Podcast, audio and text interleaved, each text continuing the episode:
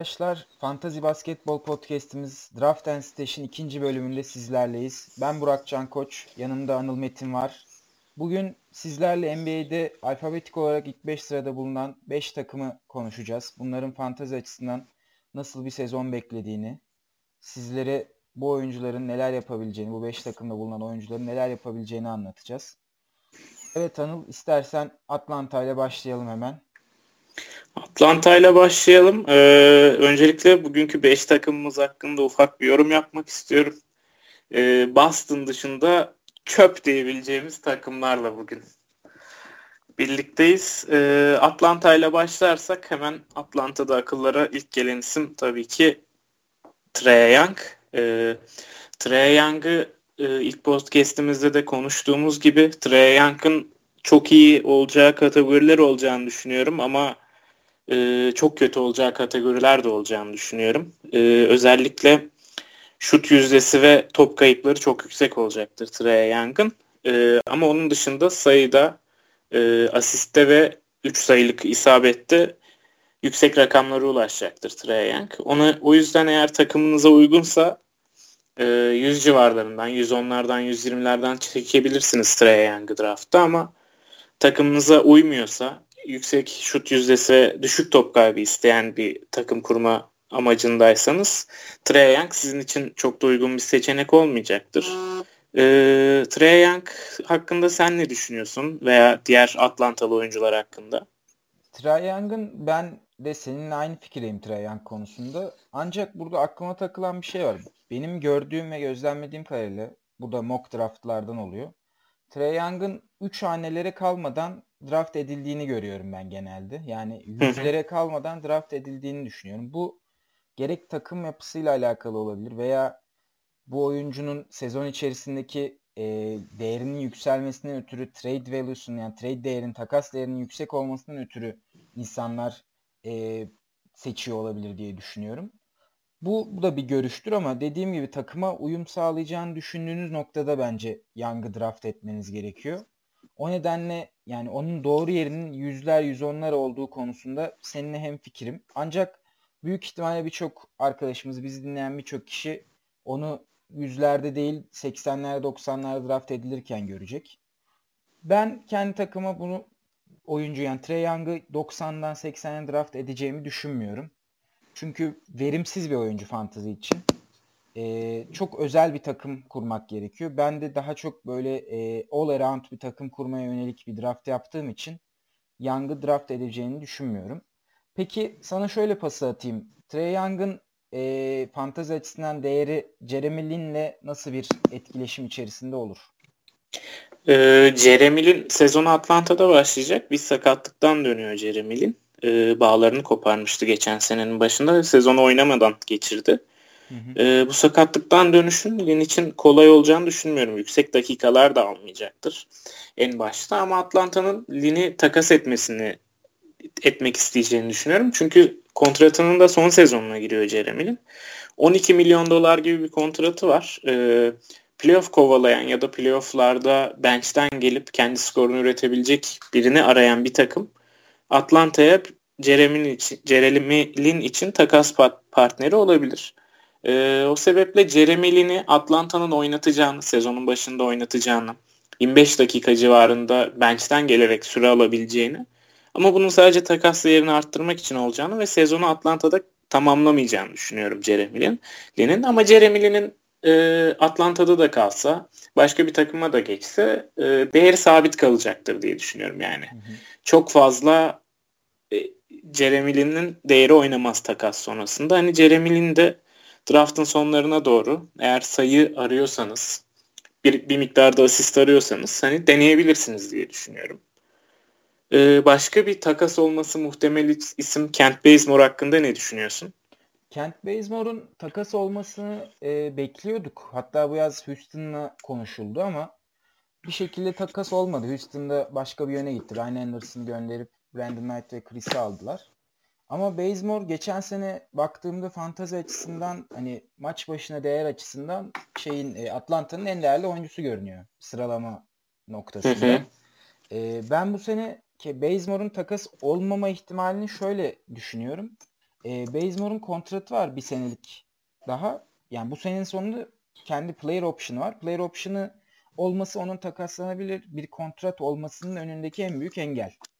Evet kullanacaktır o player option'ı. Büyük ihtimalle kullanacaktır. Yani 18-19 milyon dolardan bahsediyoruz. Yani kullanmaması kendi ayıbına olur. Fantazi açısından düşündüğümüz zaman da Kent Bazemore'un ben geçen seneyle çok benzer bir istatistik e, göstereceğini, sağ, katkı sağlayacağını düşünüyorum. Ve dakikalarının geçen sene 27 dakika civarında bir ortalaması vardı. Bu sene 30'lara yaklaşacağını düşünüyorum ve takas olmayacağını düşünüyorum. Eğer çok e, kelepir bir pardon çok iyi bir teklif gelmezse Atlanta'ya Bazemore takas etmeyeceklerini düşünüyorum. Çünkü Bazemore e, bu kontratla hani fazla görünse de bu kontratı yine de katkı sağlayabilecek bir oyuncu Atlanta'ya. Bu modern NBA'de e, top kullanma, top yönlendirme e, yetenekleri de bulunan bir oyuncu. Bu nedenle Atlanta'nın tutabileceğini düşünüyorum. Ve defansif istatistikler açısından e, iki buçuğa yakın bir blok ve steal toplamı bekliyorum. Aynı zamanda 1.7 üçlük ortalaması vardı geçen sene. Bunu da ya koruyacağını 1.5-2 arası aralığında seyredeceğini düşünüyorum. Bu noktada e, takımlarına iyi bir ekleme olacağını düşünüyorum ve 122. sırada görünen ortalamasının ben gerçeğe yansıtmadığını düşünüyorum. Daha erkenden 85-90'lardan seçilebileceğini düşünüyorum. Ben takas olacağını inanmadığım için bunu belirtiyorum bu arada. Ee, yanlış hatırlamıyorsam şöyle bir durum olmuştu geçen yıl. Bazemore geçen yılki draftlarda çok yüksekten seçilmişti. Yani 60'lar civarı, 65'ler civarı. Ee, fantazide bu durum yaşandığı zaman yani bir oyuncuyu yukarıdan seçtiğinizde ve oyuncu size hayal kırıklığına uğrattığı zaman bir miktar ki Bazemore 84'lerde bitirmiş. Çok da kötü bitirmemiş aslında. Ama oyuncu size hayal kırıklığına uğrattığı zaman ya da fantazi camiasına hayal kırıklığına uğrattığı zaman diğer yıl draftlarda çok fazla geriye atılıyor sırası. Yani hani çok kötü oynuyormuş muamelesi yapılıyor ya da tamamen tamamen bitmiş muamelesi yapılması da mesela 85 ortalama yani sezonu 85. sırada bitiren Kate Bazemore hani çok daha kötü bir oyuncuymuş muamelesi yapılıyor. Hani burada ufak avantajlar elde edebilirsiniz. Ben Kate Bazemore'un hani takımda değiştirse, Atlanta'da da kalsa sezon boyunca size ilk 100 içerisinde bir katkı vereceğini düşünüyorum. O yüzden hani 120'lerde 130'larda eğer önünüzde Kent Bazemore'u bulursanız ve bir 3D katkısı verecek wing ihtiyacınız varsa alabilirsiniz diye düşünüyorum. Aynı zamanda göz ardı edilmemesi gereken de bir asist ortalaması var. Yani pozisyon dışı bir asist ortalaması. Evet 3.5. Evet yani bu da değerli olabilir takımların yapısına göre. Evet bence bu sene Atlanta'nın en iyi oyuncusuna geçelim istersen. Tabii. Taurin Prince. Hı hı. Ee, neler düşünüyorsun Prince'in bu sezonki katkıları Şimdi, için? Prince'in dediğin gibi Atlanta'nın e, en değerli fantazi açısından oyuncusu olacağını düşünüyorum ben. E, bu konuda e, Tauren Prince'in değerini şöyle değerlendirebiliriz. Bu adam geçen sezonu fırtına gibi bitirdi.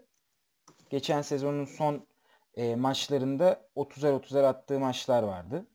E, hemen şimdi kontrol ettiğimde e, Tauren Prince'in son 10 maçta e, yaklaşık olarak 19.5 sayı ortalaması olduğunu, 4 rebound, 3 üçlük, 1.5 steal gibi ve bunu %46 ile yaptığını görüyorum. Yani son 10 maçta böyle kat, bu katkıyı veren oyuncunun sezona bunu yansıtması çok kolay olmayacak. Ancak Atlanta'nın ne kadar boş bir hani sezon geçireceğini düşündüğümüz zaman bu ortalamalara yakın bir ortalama tutturmasını ben çok rahatlıkla yapabileceğini düşünüyorum. Belki %46 değil %42-43'lerde atacak ama Tauren Prince'in e, ilk 50'den bir katkı vermesini bekliyorum. Yani top 50 katkısı vermesini bekliyorum. E, bu noktada Tauren Prince'in e, draft sırasına baktığımız zaman da 60-65 gibi görünüyor. Yani 45-50'lerden Tauren Prince'e yükselebilirsiniz diye düşünüyorum ben. Senin bu konuda bir görüşün var mı? Ben de son iki aya göz attım. Zaten Tauren Prince'in formu göz kamaştırıyordu geçen senenin sonunda. E, ee, 26 maçlık bir sample'da düşündüğümüzde 30 dakikada yaklaşık 18 sayısı 2.8 üçlüğü var. Hı hı. E, sağ içi yüzdesi düşmüş %42.7 ama hani zaten Prince'i seçtiğiniz zaman sağ içi yüzdesi pek beklememeniz gereken bir oyuncu. E, genellikle üçlüğüyle sayısıyla fena olmayan rebounduyla, fena olmayan asistiyle ve stealiyle göze çarpan bir oyuncu. Blok katkısı da veriyor maç başı 0.5. Ee, ben de aynı fikirdeyim. Prince'in ilk 50'de bitireceğini düşünüyorum. Ee, şu anki draft yeri de 60-65 civarında gözüküyor. Oralardan alınabilir diye düşünüyorum. İlk 50'den de alıp ilk 40'a girmesini bekleyebileceğiniz bir oyuncu Prince. İstersen şimdi benim göz bebeğim olan geçen senenin çayla bu senenin e, sophomore oyuncusu John Collins'a geçelim. John Collins'la ilgili olarak e, draftlarda dikkatimizi çeken en önemli, en önemli şey bu adamın 45'lere kadar yükseldiği draft sıralamasında. E, ben bunun şöyle e, şu an 53 olarak görünüyor ama 48'lerden 47'lerden alındığını da çok defa gördüm. Ben John Collins'ın e, bu kadar yani bu kadar hype'ına kapılacak bir oyuncu olmayacağını düşünüyorum. Ancak yani verebileceği performans 40-50 civarı için yeterli. Ama 40-50'den daha iyi opsiyonlarınız olabilir. Şöyle söyleyeyim. Benim e, gözlemlediğim noktada Blake Griffin John Collins'la kafa kafaya e, devam ediyor. Yani bu Blake Griffin John Collins'ın hemen arkasına geliyor. Veya Miles Turner John Collins'a çok yakın.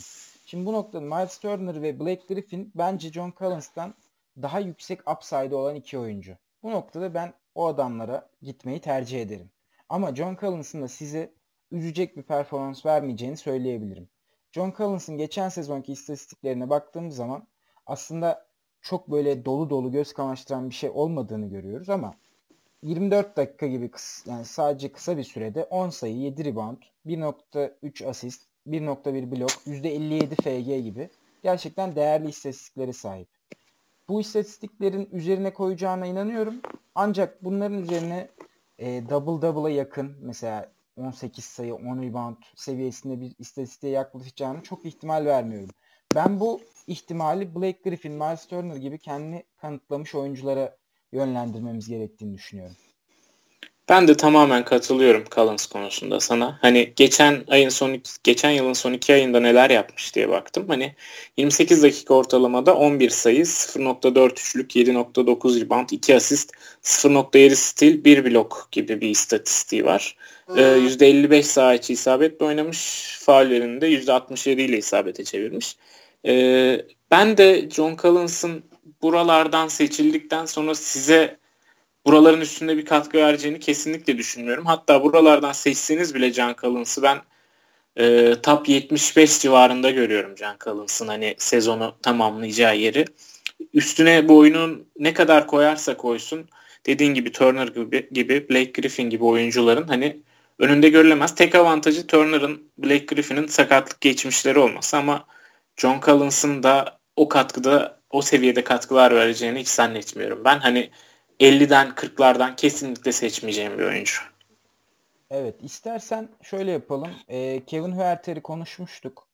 Burada senin kısalar arasında Justin Anderson veya Bembre hakkında söylemek istediğin bir şey var mı? Yoksa uzunlara değinip Atlanta'yı kapatalım. Yani bu oyuncular sizin radarınızda olsun. Eğer Lin ve Bazemore ikisinden biri ya da ikisini de takas olurken görürseniz hani bu oyunculara yönelebilirsiniz. Hı hı. Ama onun dışında bu oyuncuların bu yıl alacağı katkı çok sınırlı olacaktır. Çünkü Atlanta'nın bench'inde çok sayıda wing oyuncusu var. Evet. E, uzunlar hakkında Deadman'ın e, fantazi açısından nasıl bir sene geçireceğini öngörüyorsun? Deadman da bu arada son senesinde kontratını. Hı hı. Deadman da son senesinde. Deadman da takaslayabilecekleri bir parça. E, contender bir takımın e, takımında görmek isteyeceği bir rim protector. Bench'ten getirip oynatabileceği bir rim protector ama takas olursa kesinlikle değeri düşecektir. Hı. Takas edilebileceğini düşünüyorum. Arkasında Alex Len var. Belki Alex Len'e Atlanta bir şans vermek isteyebilir. Deadman'ı seçerseniz takas olana kadar iyi bir katkı alırsınız. Top 80'lerde bir katkı alırsınız. Belki top 70 katkısı alırsınız. Ama takas ihtimali olan bir oyuncu. Hani bunu Deadman'ı draft ederken bu riski göze alın. O yüzden Deadman için son turlar haricinde bir pik harcanmaması gerektiğini düşünüyorum ben. Katılıyorum sana. Ee, aynı zamanda Deadman'ın Alex Len'in e, statları ve dakikalarının birbirine yakın olacağını bekliyorum ben. Tabii Deadman'ın 1'e yakın bir üçlük ortalaması var. Bunu Alex Len'den beklemek hayal olur. Bunun dışında genel olarak benzer tipte iki oyuncu olacağını düşünüyorum. Deadman takası olduğu anda da Alex Len'in ve doğal olarak John Collins'ın değerinin bir anda uçuşa geçeceğini düşünüyorum. Aynı fikirdeyim. O zaman Boston'a geçelim mi? Boston'dan önce Brooklyn var abi. Brooklyn'le devam edelim. O zaman Brooklyn'le devam edelim. yani biliyorum pek konuşmayı istemiyorsun çöp takımları ama sırayla gidelim. Alfabetik sırayı bozmadan devam edelim. Tamam. Şimdi Brooklyn hakkında bence bir numaralı problem ilk 5 nasıl olacak? Buna göre fantazi açısından değerlendirebiliriz. İkimizin de hem fikir olduğu nokta e, Dinwiddie ve Russell'ın birlikte başlayacağı ve Alan Crabb'in kenardan geleceği şeklinde. Bu noktada e, Dinwiddie, Russell, Demar Carroll, Ronda Ellis Jefferson ve Jared Allen şeklinde bir 5 öngörülen ilk 5'i Brooklyn'in. Burada senin gözüne çarpan ilk oyuncu veya neler söylemek istersin? Gözüme çarpan ilk oyuncu tabii ki Jared Allen ve yüksek draft, ortalama draft edilme sırası. Ee, Jared Allen da John Collins ile beraber çok yukarılardan gidiyor. Ee, Jared Allen John Collins'e göre geçen yıl sezonu bir tık bir tık daha iyi kapattı. Ee, ama o bir tık daha iyi kapatmak derken yani geçen sezonun son iki ayını Jared Allen 95. sırada oynamış ortalama olarak. E, son bir aya gittiğimizde Jared Allen e, 24,5 dakika oynayarak 68. sırada kapatmış. Yani Jared Allen daha geçen yılın sonunda bile draft edildiği sıralara ulaşmadı. Yani 40'lara ulaşmadı. En iyi ulaştığı yer 68. Biraz hype'a kapıldığını düşünüyorum. E, Jared Allen'ın dakikalarının artacağı düşünülebilir. Ama Brooklyn'de genelde kimse 28 dakikanın üzerine kolay kolay çıkmıyor. Yani 30 dakikaya vuran oyuncu çok az. Belki Rondé Hollis Jefferson vuruyor arada. Hı hı. Ama 30 dakika alacağını düşünmüyorum Jared Allen'ın ki arkasında Ed Davis gibi çok iyi bir oyuncu aldılar. Ee, 20'ye yakın dakika alacağını düşünüyorum Ed Davis'in. Arkada Farid var. Ronde Hollis Jefferson'ın 5 numara oynaması konuşuluyordu geçen sezonun sonlarına doğru. O yüzden dakikalarının Jared Allen 30'lara çıkmayacağını düşünüyorum. Belki 30'lara çıksaydı o inanılmaz blok rakamlarıyla 50'lerden 40'lardan seçilmeyi hak edebilirdi ama çıkmayacağını düşünüyorum. O yüzden Jared Allen'ı daha çok 70'lerde seçmeyi isterim. Sen neler düşünüyorsun Jared Allen hakkında? Ben de 70'lerde seçmeyi isterim ama büyük ihtimalle 70'lere kalmayacak birçok ligde. Bu noktada Jared Allen'ın açısından şöyle bir değerli nokta var. Jared Allen'ın blok rakamları gerçekten inanılmaz. Yani Jared Allen son bir ayda 2.6 blok ortalama tutturmuş bir oyuncu. Sezon genelinde de 1.2 blok ortalama ama bizim için son bir ay ve son iki ay gösterge olarak düşünürsek Jared Allen son bir ayda 2.6 son iki ayda 2 blok ortalaması. Bu da onu elit seviyeye yerleştiriyor. Eğer blok ihtiyacınız için bu oyuncuyu almayı düşünüyorsanız tabii ki 50'lerden alabilirsiniz ama blok dışında diğer kategorilerde belki tabii FG biraz da doğal olarak %55-60'da atan bir oyuncu için diğer kategorilerde çok büyük katkılar verebileceğini ihtimal vermiyorum ben. Bunun nedeni de Anıl'ın bahsettiği gibi dakikaların 30'lara yaklaşmayacak olması. Bu noktada ben başka bir oyuncuya geçmek istiyorum. Burada benim e, ön plana tuttuğum diğer oyuncu belki de franchise'ın yüzlerinden birisi D'Angelo Russell. D'Angelo Russell e, verimsiz bir şutör. Bu konuda hem fikiriz. E, %40 civarında FGS olan bir oyuncu. Ama ben bu sene e, kendisinin breakout year olacağını düşünüyorum. Bu nedenle e, her ne kadar e, Brooklyn Nets e, Russell'a bir extension vermeyi düşünmese de buna ilgin, ilişkin haberler çıktı son zamanlarda. Bu konuda acele etmeyeceklerine dair. Russell'ın e, extension'ı hak edecek seviyede bir oyun oynayacağına inanıyorum ben. Bu noktada D'Angelo Russell'ı ben dördüncü, beşinci turlardan biraz daha yüksek yani reach sayılabilecek noktadan draft edilebileceğini düşünüyorum. Ortalama sırası 85 olarak görünüyor. Birçok ligde 90'a sarktığı da oluyor. 75'lerden alındığı da oluyor. Geçen sene beklenen patlamanın ben bu sene geleceğini düşünüyorum.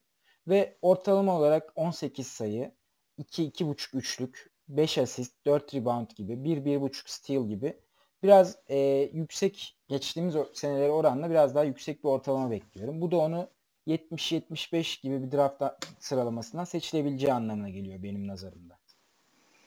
Ee, benim Russell'la ilgili görüşlerim şöyle. Russell'dan sanırım patlama beklenen 3. yıl bu.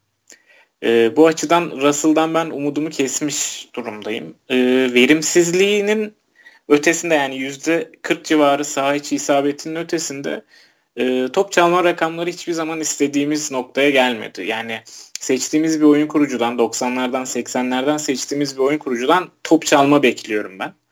E, biri bile bulmadı geçen yıl Russell'ın top çalma rakamları. O yüzden bence yüzlerin arkasına sarkması gereken bir oyuncu. Yüz sıranın yüzüncü sıradan sonra seçilmesi gereken bir oyuncu. Ama Brooklyn yine burada çok akıllı davranıyor. Bu ne kadar iyi yönetildiklerinin bir göstergesi. Kimseye bel bağlamıyorlar. Kimseye franchise'ın yüzü muamelesi yapmıyorlar. Herkesten o franchise'ın yüzü olma durumunu hak etmesini bekliyorlar.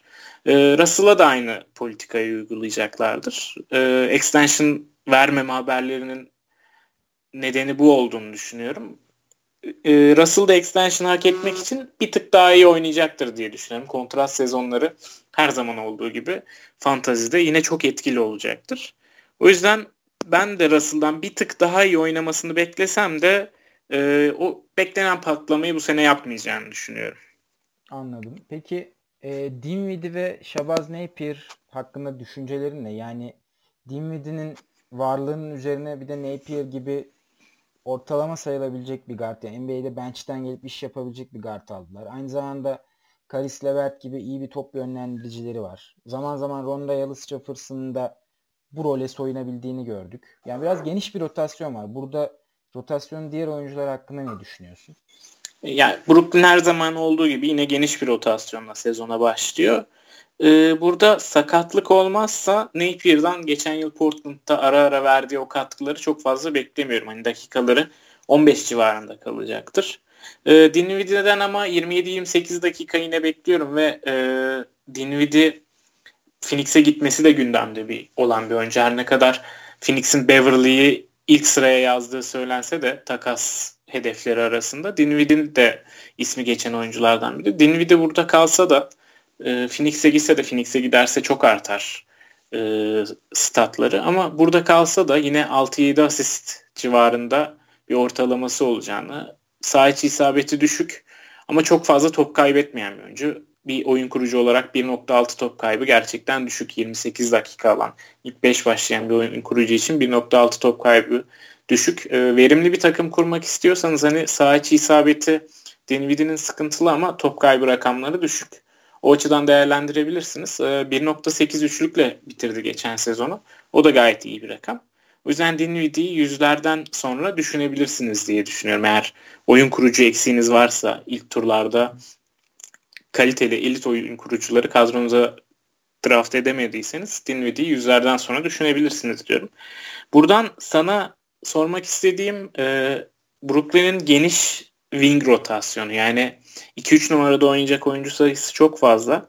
Senden Randy Hollis Jefferson ve wing rotasyonu hakkında bir değerlendirme alabilir miyiz? Şimdi wing rotasyonu hakkında benim düşüncem şu şekilde. Dinwiddie'nin e, asist yapmayanı olarak ve daha verimli şut atanı olarak benim nazarımda gözüme Joe Harris çarpıyor. Joe Harris belki sleeper sayılabilecek bir oyuncu. Geçen seneden sonra bu ne kadar doğru orası tartışılır ama 11 sayı ortalaması, %49 şut yüzdesi ve 1.9 üçlüyle gerçekten değerli bir oyuncu olarak görüyorum ben. Bunun yanında defansif istatistikleri ve yan statları, yan istatistikleri pek iyi değil. Bu konuda Hani bir Dinwiddie'nin tabii ki yanına yaklaşamaz ama arkalardan skorer ve yüksek yüzdeli üçlük atan kısa olarak ben Joe Harris'i önerebilirim bu noktada. Geçen sene Demar Carroll draft etmiştim. Demar Carroll sezona iyi başladı. Aslında fena da bitirmedi.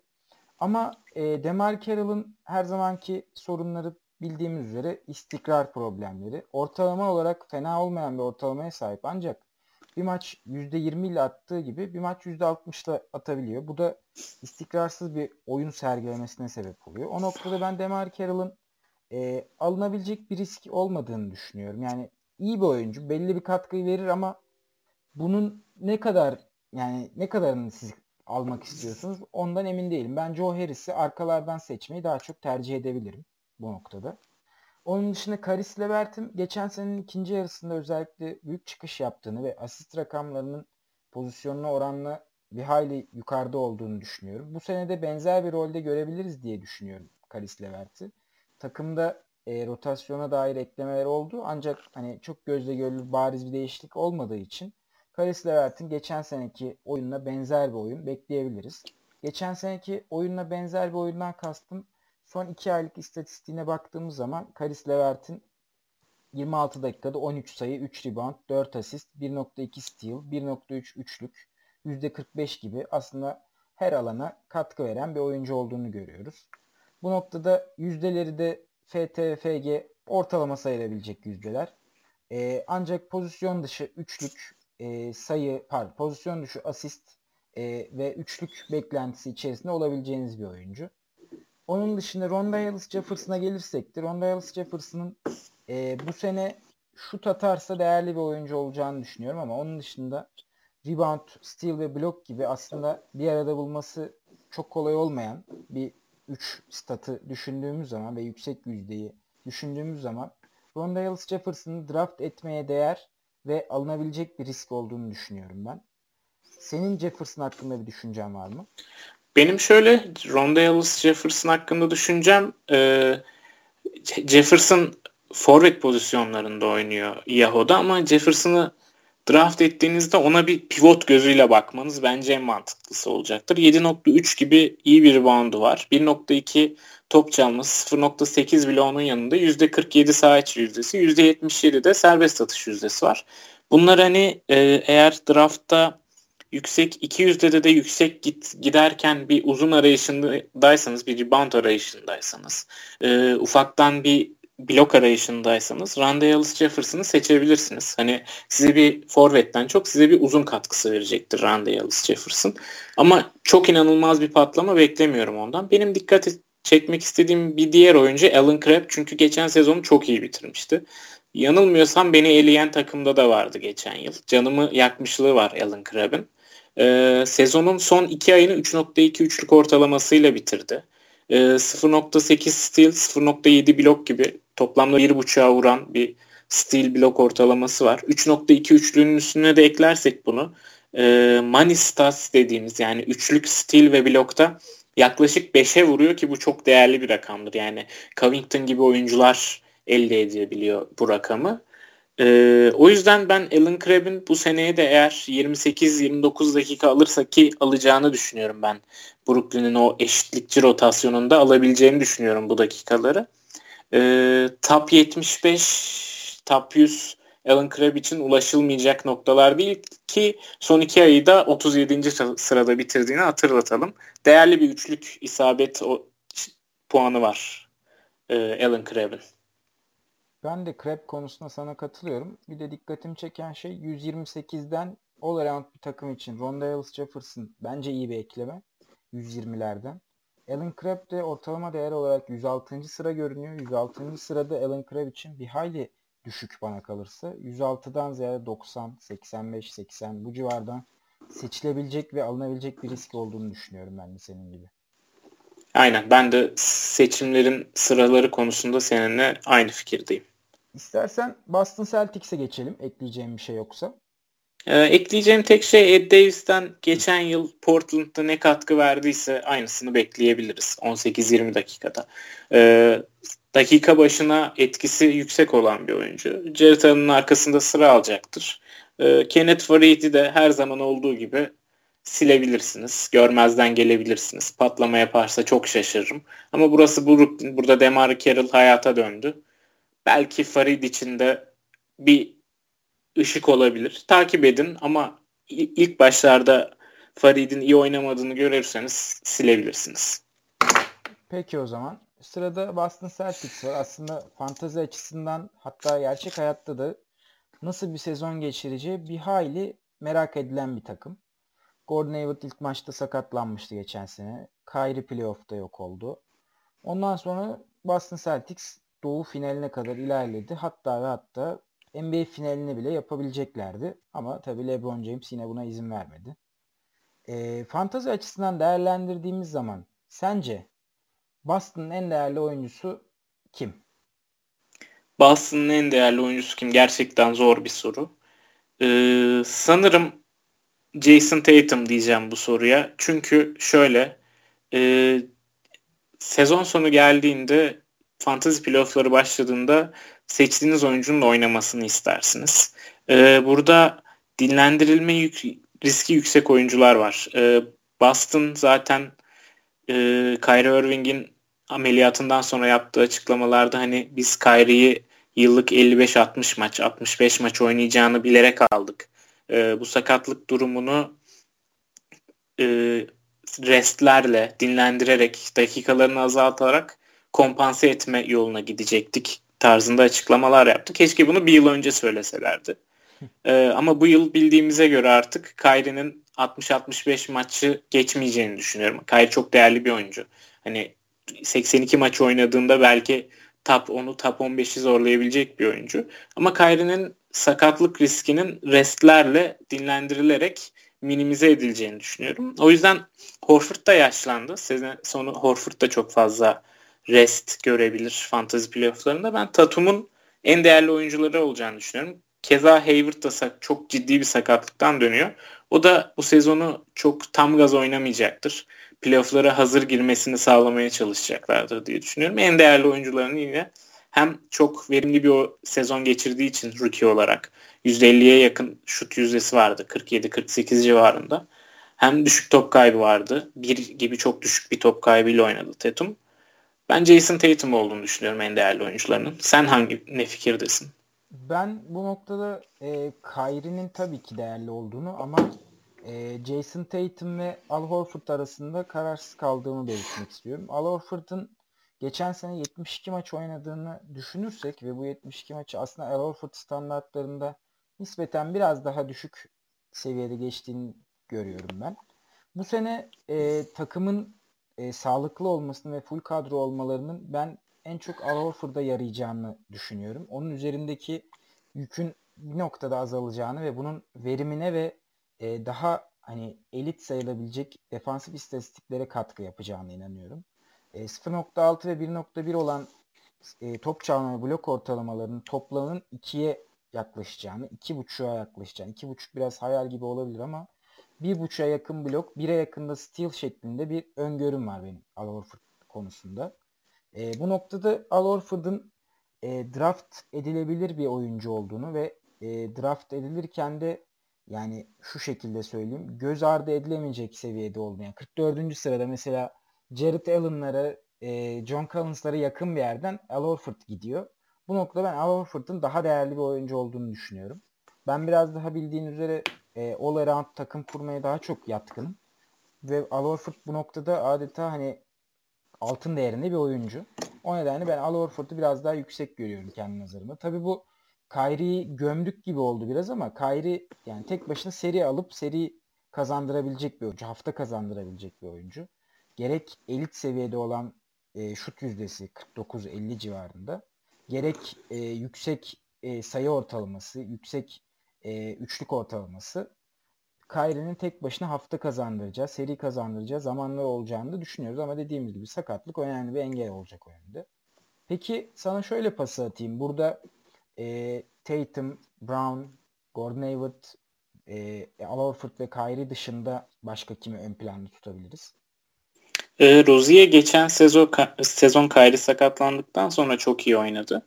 Ama Kyrie olduğu sürece e, Rozier'in dakikaları da sınırlı kalacaktır. O yüzden yapacağı etki de sınırlı olacaktır. Ama fantasy playoff'ları geldiğinde NBA'de normal sezonun sonu yaklaştığı için Kyrie'nin e, dinlendirileceği maçlar artacaktır. Bunun sayısı artacaktır. Hani Kyrie'nin herhangi bir sakatlığında Rozier çok değerli olacaktır benim gözümde. Ee, eğer ki Kyrie se- yine sezonu kapatacak bir sakatlık geçirirse veya uzun süre sezonun içinde 5-6 haftalık bir sakatlık, 4 haftalık bir sakatlık yaşarsa hani yine e, yerden Rozier'i almanız şiddetle tavsiye olunur. E, Rozier geçen seneyi 26 dakika ortalama oynayarak kapatmış ama sağlıklı bir Kyrie varken 20'lerin çok üstüne çıkması çok mümkün görünmüyor Rozier adına. O sebeple e, Rozier sakatlık anında çok değerli olacaktır. Marcus Smart ise çok e, verimsiz bir oyuncu. Çok kötü şut yüzdesi var. Servis satış yüzdesi de çok iyi değil.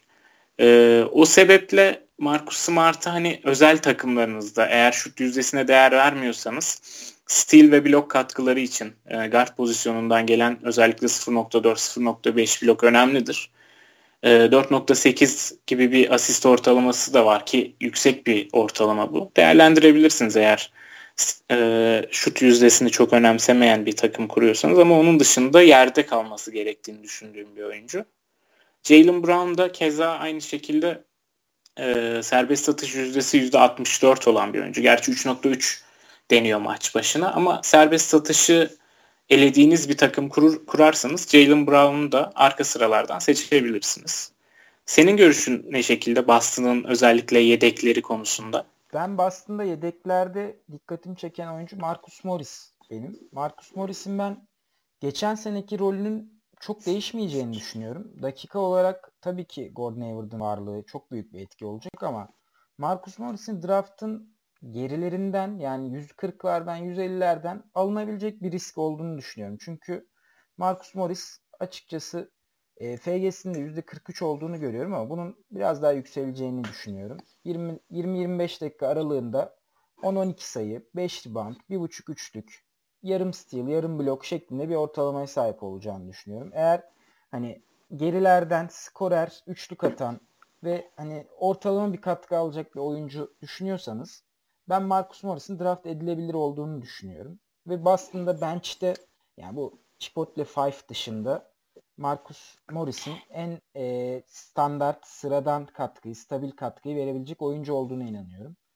O nedenle Morris'i düşünebilirsiniz ama dediğim gibi Morris yani üzerine çok da bir şey koymayacak bir oyuncu. Sakatlık olmadığı sürece de hani daha yukarılara çıkmayacak, sıçramayacak bir oyuncu benim gözümde. Peki o zaman konuşmadığımız tek isim, üzerinde net durmadığımız tek isim. Gordon Hayward sakatlıktan dönüyor.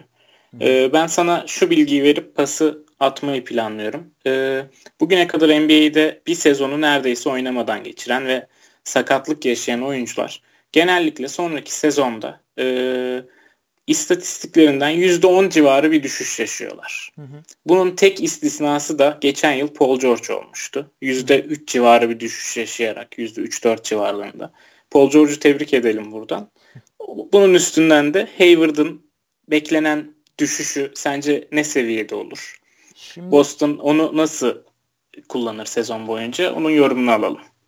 Ben Hayward'ın oldukça aç olacağını düşünüyorum açıkçası. Sen biraz daha temkinli, sakin geçeceğini düşünüyorsun ama benim görüşüm biraz daha Hayward'ın geçen senenin acısını çıkaracak şekilde biraz daha böyle oyuna aç şekilde döneceğini düşünüyorum. Şimdi baktığım zaman 21.9 sayı ortalaması, 5.4 rebound, 3.5 asist, 1 steal Utah'taki son sezonunda yaptığı ortalama ve %47 ile yapmış bunları.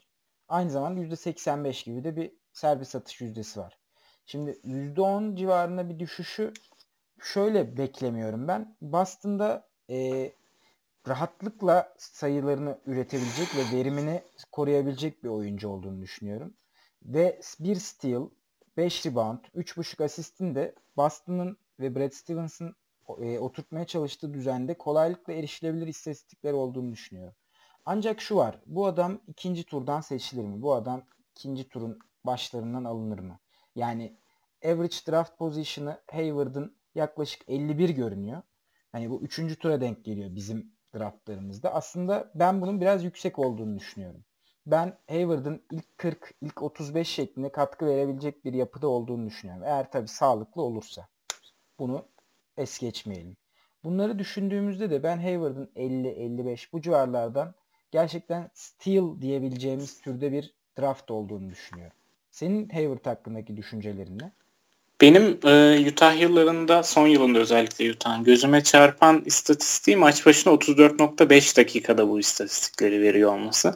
Tabii Utah'ın hücumuyla Boston'ın hücumu arasında dağlar var.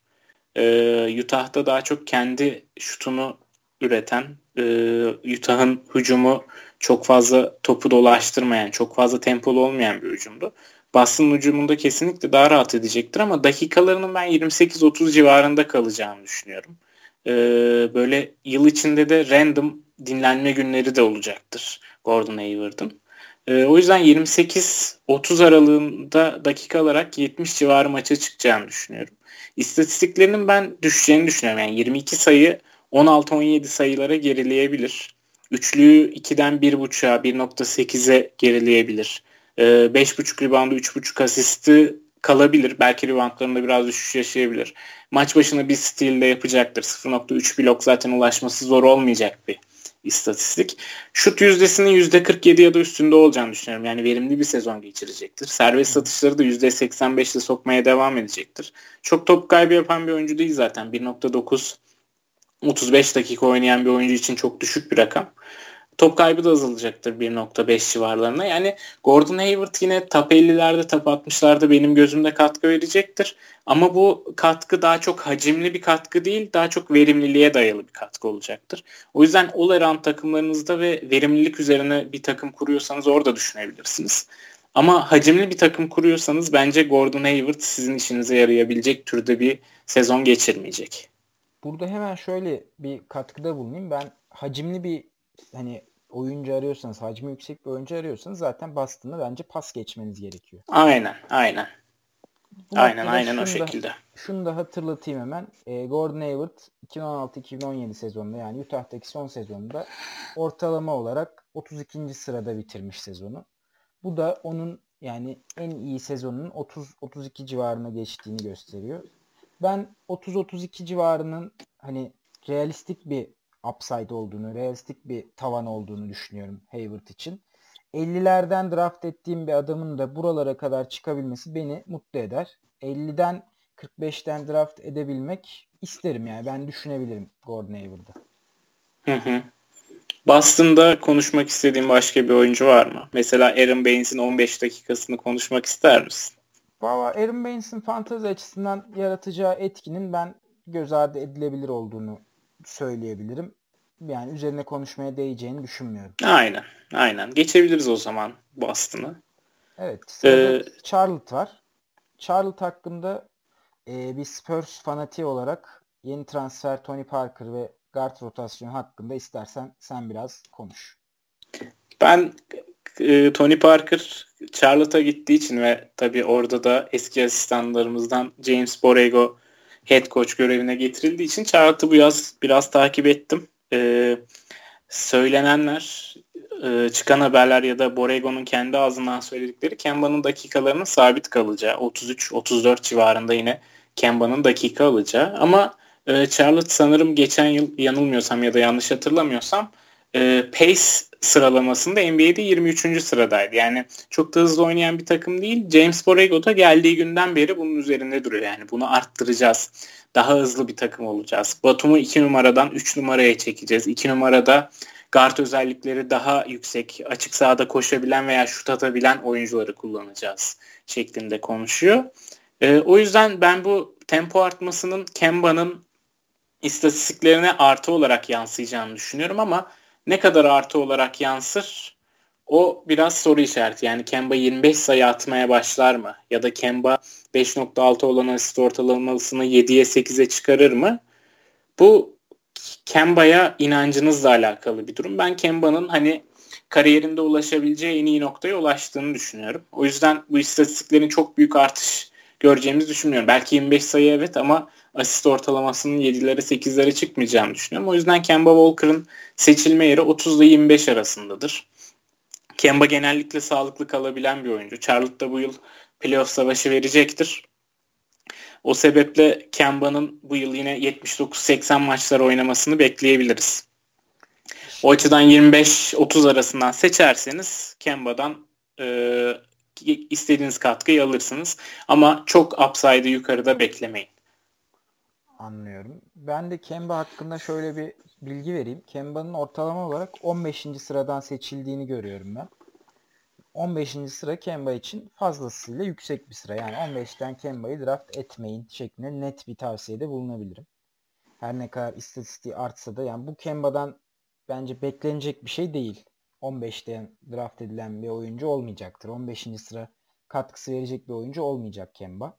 Ufak bir ekleme yapabilir miyim şu noktada? Sözünü kesiyorum Tabii. özür dilerim. Tabii abi. Ee, şöyle benim e, baktığım 15 ile 25, 15-20 arasında oyuncular genellikle çok fazla sakatlık problemi yaşayan oyuncular. Yani John Wall gibi, Butler gibi, Joel Embiid gibi, Beal gibi Beal sakatlık sorunlarını atlattı ama kariyerinin başında bir sağ, sağ yanda yanılmıyorsam bir stres kırığı oluşmuştu. Hani O sebeple e, orada sakatlık sorunu olan oyuncular var. Kemba'nın bu senelerdir 79-80 maçları oynaması hani güvenli liman diyebileceğimiz bir guard olması belki 15'lere çıkmasının sebebi olabilir ama o seçildiği yerden o katkıyı vermeyecektir. Buna katılıyorum. Sözü tekrar sana bırakayım. Zaten evet ben de onu diyecektim yani tek hani bunun olumlu tarafı bu adamın 70-80 maç 80 maç hatta 70 de değil 80 maçı görme ihtimalinin bir hayli yüksek olduğu şeklindeydi.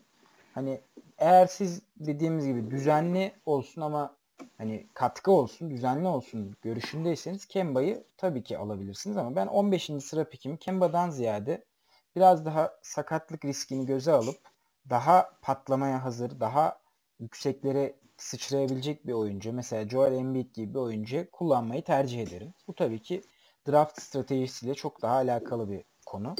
Onun dışında ben e, kısa rotasyonunda e, Charlotte'da bu senenin Malik Monk'un senesi olacağına inanıyorum. Bu sene e, ilk çaylak sezonundan sonra e, önemli bir katkı yapacağını düşünüyorum.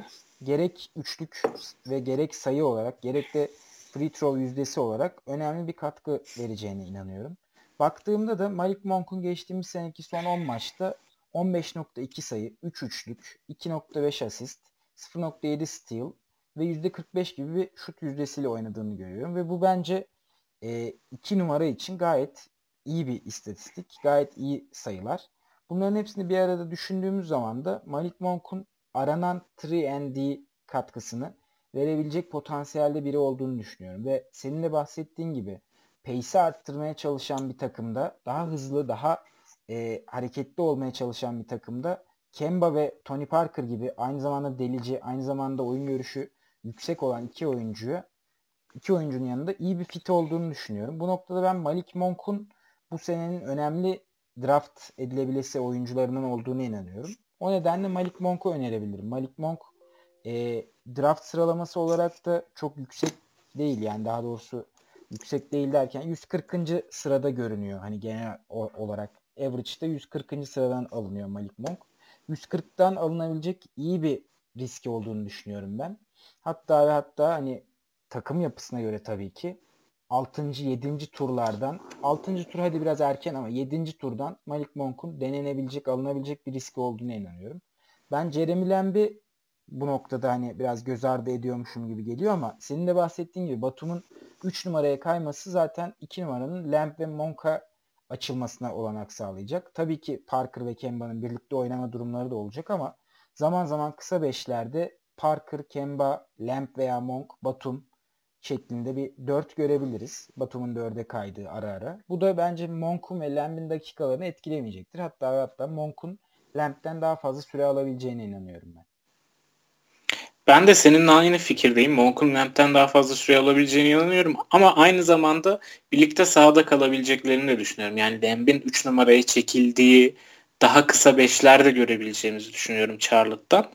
Ee, bu noktada e, Charlotte'ın e, 3, 4 ve 5 numarada bir kalabalığı var. Yani Batum, Michael Kidd, Gilchrist, e, Çaylakları Bridges, e, Marvin Williams, Kaminski, Biombo, Zeller ve Hernan Gomez gibi fazla sayıda oyuncuları olduğunu görüyorum. Belki bu kadar fazla oyuncuların olması 3 numarada, 5 numarada e, kısaların 3 numara oynama yani Lamb'in veya Monk'un 3 numara oynama dakikalarını azaltacaktır. Ama Lamb ve Monk'un en az 25'er dakika sahada kalacağını düşünüyorum. Monk için bu sınırı 30'lara da çekebiliriz e, oynayacağı, ne kadar iyi oynayacağıyla alakalı olarak. Ama ben de Monk'un 140'lardan çok rahat alınabilecek bir riski hatta 110'lardan 120'lerden de e, tavanına güvenerek alınabilecek bir oyuncu olduğunu inanıyorum.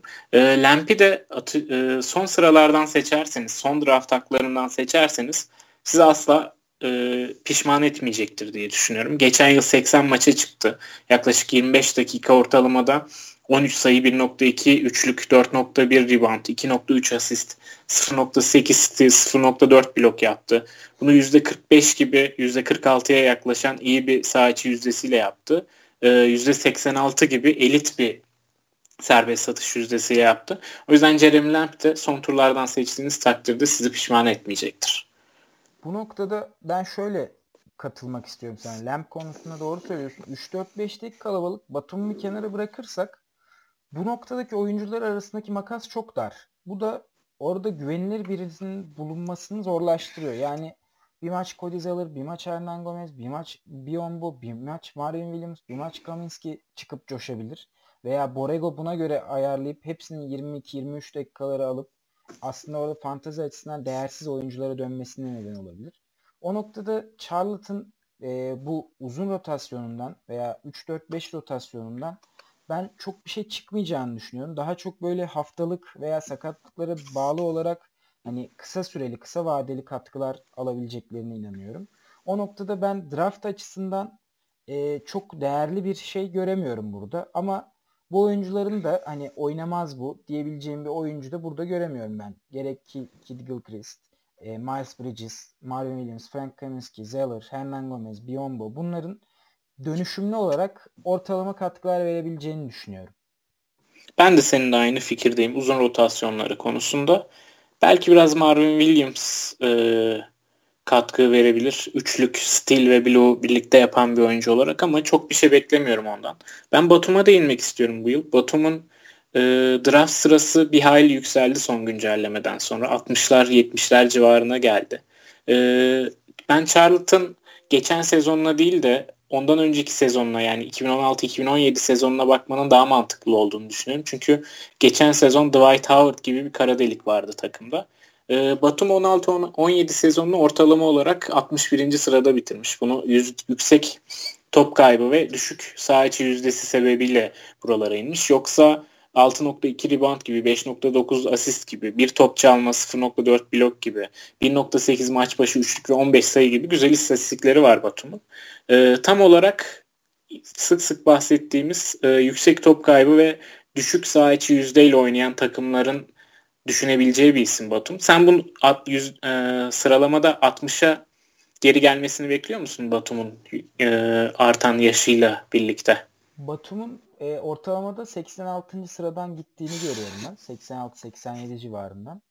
E, 60'lar olmasa da ben e, 86-87'nin üstünde bitireceğini düşünüyorum. Yani top 75 iyi bir e, öngörü olacağını inanıyorum Batum için. Bu noktada ben e, geçtiğimiz sezonlara oranla e, sayı ortalamasının ve geçtiğimiz sezona oranla daha doğrusu sayı ortalamasının ve yüzdesinin artacağını ve asist rebound rakamlarının rebound'un belki aynı veya artacağını ama asistin birazcık düşeceğini düşünüyorum. Bu çünkü gerek Parker'ın gelmesi gerek e, Pace and Space'te Kemba'nın bir anda hızlıca gidip e, hücumları sonlandırmasıyla bitmesinden ötürü olduğunu düşünüyorum. Çünkü ben geçen sene e, saat farkından ötürü Charlotte maçları erken olduğu için izliyordum ben geçtiğimiz iki senedir. Genelde dediğin gibi yavaş bir tempoda ya ağır ağır oynayıp sette genelde Batum'un şekillendirdiği bir oyun oynuyorlardı. Batum'un şekillendirdiği bir oyun oynamalarının avantajı tabii ki Batum'un asist rakamlarına yansıyordu. Bunun e, top e, topu daha hızlı yönlendiren oyuncularla birlikte belki basit rakamlarının 5.5'lardan 4.5-5'lere düşebileceğini düşünüyorum. Ama bunun da çok böyle Batum'un değerini düşürecek bir seviyede olmadığını söyleyebilirim. O nedenle ben 60'lar olmasa da draft pozisyonunun 85'in daha da üstünde olacağını, 75-70-75 civarında bir katkı vereceğini düşünüyorum Batum'un. Hı hı. Ben de reboundlarının 3 numaraya geçmesi ve Dwight Howard'ın takımdan ayrılmasıyla birlikte artabileceğini düşünüyorum. 6'lara 6.5'lara çıkabileceğini düşünüyorum. Başka yapacağım bir ek yok Batum ya da Charlotte takımı için genel olarak. Ben ee, Chicago şunu ekleyeyim hemen abi bitirmeden Charlotte'ı. Ee, Charlotte playoff kovalayacak. Bence girebilirlerdi Doğu'nun bu durumunda. Ee, ama playoff'tan erken kopma durumunda Malik Monk ve Miles Bridges'ın Çaylak Bridges'ın önemli fantezi açısından eklemeler olabileceklerine inanıyorum. Göz önünde bulundurmaları için arkadaşlarımıza öneriyorum bu iki ismi. Tamamdır. Chicago'ya geçelim istersen. Evet Chicago'ya geçelim. Chicago'nun çok genç oyuncuları, ilk 5'e yerleşmiş çok genç oyuncuları ve yetersiz görünen bir bench'i var. Sen Chicago'ya genel olarak nasıl bakıyorsun? Ee, kim öne çıkarırsın? Chicago'dan bir oyuncu ya da iki oyuncuyu bu sezon öne çıkarman istense kimi çıkarırsın? Bununla başlayalım istersen. Şimdi ben Chicago konusunda e, Kristan konusunda biraz değineyim ben. Kristan geçtiğimiz sezon bence hiç fena olmayan bir sezon geçirdi. bunun en büyük e, bu noktada en büyük katkıyı ona asist ve steal rakamları verdi. Şöyle belirteyim. 6 asist ve 2 steal gibi gerçekten e, bir e, nasıl diyeyim ikinci senesindeki bir oyuncu için gayet değerli bir istatistik kaynağıydı. Ve Kristan'ın bu sene artık tartışmasız e, ilk 5 başlayacak point guard olduğunu düşündüğümüz zaman ve takımda açıkçası ilk 5'te e, top yönlendirici olarak düşünülen belki Lavin ben pek yeterli olduğunu düşünmüyorum veya Jabari Parker'ın top yönlendirici olarak iyi bir oyuncu olmadığını düşündüğüm zaman Kristan'ın ben bu takımda değerli olduğuna inanıyorum. Geçtiğimiz seneyi yaklaşık e, 77. sırada bitirmiş. 29.3 sayı ortalamasıyla. E, bu sene dakika ben, ortalamasıyla. Pardon, 29.3 dakika ortalamasıyla. Bu sene de ben e, 30 dakika civarında bir dakika ortalamasının Dan açısından makul olabileceğine inanıyorum. Ve e, draft sırası açısından 90. sırada görünen Kristan'ın yine ilk 75 sırada bir katkıyla bitirmesini, geçen sene 77 ile bitiren Dan'ın ilk 75'te bitirmesini düşünüyorum, bitireceğini düşünüyorum. Geçtiğimiz sene e, son bir ayda yaklaşık olarak 52. sıradan 12 sayı, 1.5 rebound, 5 asist, 2 steal gibi iyi diyebileceğimiz bir katkı vermiş. Bunu gerçi iki maçta yapmış. Sakatlığı vardı hatırlarsın.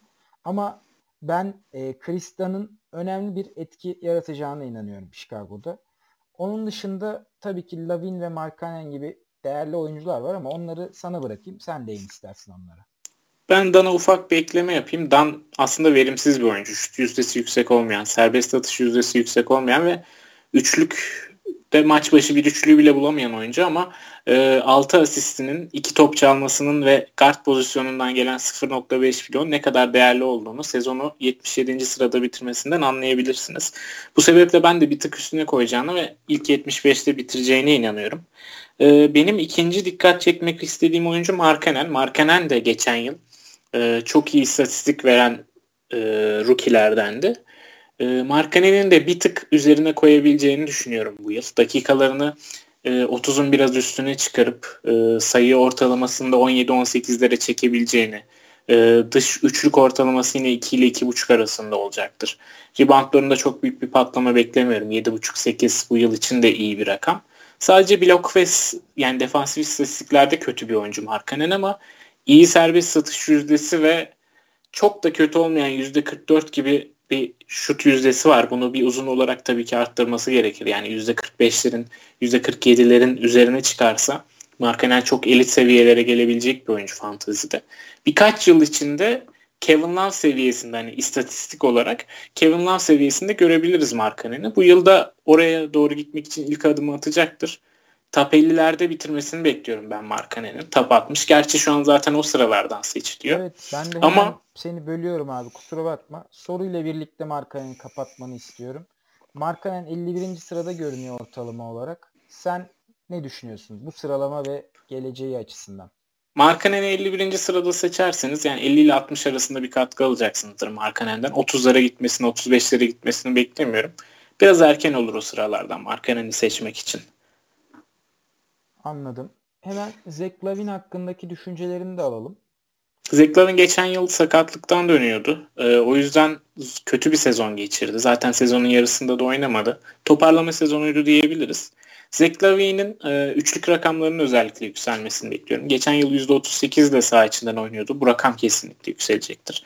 Atletizmi geç, geri kazandığında pot altından da bitirmeye başlayacaktır. Ee, o yüzden Lavin'in yükselmesini bekliyorum ama Minnesota'daki son sezonu kadar iyi oynamasını beklemiyorum. Yine 60'lar 70'lerde bitirecektir Lavin. Ee, oralarda bitirecektir. Oralardan seçerseniz çok yukarılara gidecek bir oyuncu değil ama daha gerilerden seçerseniz alınabilecek bir risk Lavin. Sen Jabari hakkında ne düşünüyorsun? Ben Jabari Parker'ın e, çok büyük bir hayran değilim biliyorsun sen de yani ben e, Jabari Parker'ın neler verebileceği konusunda birazcık şüphelerim var. Özellikle fantazi açısından. Geçtiğimiz sezona baktım ben Jabari Parker'ın. E, 31 maç oynadı. Sakatlığı vardı tabii ki. Döndü 24 dakika ortalamada 12.6 sayı, 1 üçlük, 4.5 rebound, 2 asist, 0.8 steal gibi, %48 gibi bir ortalaması var. Bunlar standart e, 3-4 numaraların verebileceği istatistikler. E, ben bunların üzerine bir şey koyabileceğini düşünmüyorum Jabari Parker'ın. 20 milyon dolarlık bir kontratı olsa da bir takım opsiyonuyla artı bir yılda olsa da Jabari Parker'ın benzer istatistiklere sahip bir oyuncu olacağını düşünüyorum. Ve bunun Jabari Parker'ın fantazi e, geleceği açısından iyi bir şey olmadığını düşünüyorum. Bu nedenle ben Jabari Parker'ı draft etmeyeceğimi düşünüyorum. Yani draft çok böyle arkalara sarkarsa hani artık bu adamın 107'de görünüyor mesela. Bu adamı 130'lara bırakırlarsa 130'lardan alınabilecek bir risk olduğunu düşünüyorum ama ilk 100'den ya da 105'ten daha iyi alternatifler bulunabileceğini düşünüyorum. Ben de sana katılıyorum Jabari konusunda. Ee, uzun konusunda da Wendell Carter'ı dün konuşmuştuk. Eğer evet. Chicago'nun playoff umutları azalırsa Wendell Carter'ın dakikaları artar. Sezon sonunda bunu göz önüne alarak alabilirsiniz diye. Ee, bench'inden Chicago'nun katkı yapacak bir oyuncu ben göremiyorum. Holiday ve Valentine'ı konuşmuştuk daha önce seninle. Hı hı. Ee, çok dakikaları sınırlı olacaktır bu oyuncuların. Ee, gençlerin daha çok oynatacaktır diye düşünüyorum Chicago. Yine de 17-18 civarlarında dakikaları olabilir. Belki 20, belki 25. O civarlara çıkabilirler ama ikisi de çok verimli oyuncular değiller. İkisini de dakikalarına göre sezon içinde takip ederek değerlendirebilirsiniz. Zaten draft edilmeyecektir diye düşünüyorum bu iki oyuncu da. O radarınızda olsun. Bir sakatlık durumunda Lavin ve Jabari sakatlık geçmişleri olan daha önce ACL koparmış oyuncular. Holiday ve Valentine radarınızda olsun. Sezon içinde takip edin. Benim yapabileceğim öneri bu iki oyuncu hakkında bu. Ben Valentine konusunda sana çok katılmıyorum. Çünkü ben Valentine biraz daha önde görüyorum Holiday'den ve oynayabileceğine inanıyorum. E, Valentine'in geçtiğimiz seneki istatistikleri de tabii ki sakatlıklarla etkilenmiş istatistikler, sayılar bunlar. 77 maç oynamış. 27 dakikada 10 sayı, 5 rebound, 3 asist, 0.8 steal. FG'si düşük. Bu Anıl da bahsetti zaten. Yani %41 gibi gerçekten kötü bir FG'ye sahip. Ama düşük turnover. %75 gibi yani maç başı bir bile olmayan bir free throw şeyi var. E, yüzdesi var. Bunları da hesaba kattığımız zaman ben Denzel Valentine'ın son sıralardan, son 3 yani son 3 tura kadar seçilebileceğini düşünüyorum. E, draft edilmez diyemiyorum ama yani çok bir beklentiniz de olmasın. Sadece pozisyon dışı asist gelebilir ve onun yanı sıra savunma istatistiklerine ara ara katkıda bulunabilir. Steal e, bir civarında steal. Blok konusunda 0.1 ortalaması var. Ben bunu yükselteceğine pek inanmıyorum. Ama dediğim gibi yani aslında sen şunu atladık galiba ama bu takımın bench'i zayıf ve isteseler de istemeseler de Valentine, Holiday gibi oyunculara süre verecekler. E, Aynen süre verecekler ama yani, yani ilk beşlerinde düzenli katkı verir mi? O belirsiz. O da muallak. Bence veremeyecekler kolay kolay. Ben de veremeyeceklerini düşünüyorum ama Lavin ve Parker'ın alacağı dakikalar 30 civarında kalırsa e, Lavin Parker'ın da zaman zaman 4 oynayacağını düşünürsek 3 ve 2 numaradan yaklaşık bir 40 dakika 45 dakika bence dakika gidecektir. Bu dakikalarda Holiday ve Valentine arasında bölüşülecektir diye düşünüyorum. O yüzden dakikalarının sadece geçen yılki Valentine 27 dakika ortalamayla oynamış. Justin Holiday oynadığında 31,5 dakika ortalamayla oynamış. Buralara ulaşamayacağını doğal olarak da istatistiklerine biraz düşeceğini inanıyorum. Zaten e, sağ içi yüzdesi olarak çok yüksek yüzdelerle oynamayan oyuncular. Özellikle Holiday %37 ile oynamış geçen yıl. Bunların e, verimsiz oyuncular olması nedeniyle hani draft gününde, draft zamanında göz ardı edileceğini ve eğer istatistikleri artarsa veya beklenmedik bir katkı verirlerse de e, free agent olarak bu oyuncuları alabileceğinizi düşünüyorum. Anlıyorum. Bu arada şöyle bir de ekleme yapayım. Bu Chicago'da Bobby Portis var. Bobby Portis aslında fantazi açısından ara ara çok e, güzel katkılar veren bir oyuncu. Ama bu sene Markanen'in yükselişi, Wendell Carter'ın gelmesi, aynı zamanda Cristiano Felicio ve Robin Lopez gibi iki tane oyuncunun da bulunması Bobby Portis'in biraz olsun e, verimini, e, üretimini azaltacaktır diye düşünüyorum. Geçtiğimiz sene 22 dakikada 13 sayı, 7 rebound, 1'e yakın steal, yarım blok gibi %47 ile oynayıp güzel istatistikler vermiş. Bunun çok fazla üstüne çıkacağını düşünmüyorum. Ancak e, benzer seviyede katkı verebileceğine inanıyorum. Ve pozisyonuna oranla 1.1 şeklinde bir üçlük ortalaması var. Bir uzuna göre iyi bir üçlük ortalaması fantazi açısından. bunu değerlendirmek isteyenlerin yine yüzlerden, 130'lardan Bobby Portis draft edebileceklerini düşünüyorum. Ben de sana katılıyorum ama Bobby Portis draftta böyle gözüme kestirdiğim bir oyuncu olur mu? Olmaz. Belki draftta diğer draft yapan oyuncuların draftları iyi geçerse, benim hedeflerimi alırlarsa o zaman Bobby Portis'i 130, 140, 150 o civarlardan düşünebilirim. Evet. Bu arada hemen bir düzeltme yapayım ben. Roto World'ün kurbanı oldum. Aslında en başta Boston'la devam etmemiz gerekiyordu Atlanta'dan sonra ama Brooklyn'e devam ettik. O da Roto World'deki depth chartlara sırasıyla gidelim dediğimiz için. Ama bu hı hı. çok önemli bir e, hata olmaz diye düşünüyorum. Aynen. Bakmayın dinleyenlerden özür dileyelim burada. O zaman bugünkü programımızın da sonuna geldik sanırım. Evet bugün bitirdik. 5 takımı konuştuk. Önümüzdeki hafta, önümüzdeki günlerde diğer 5 takımı, diğer 5 takımı sırayla alfabetik olarak konuşarak devam edeceğiz.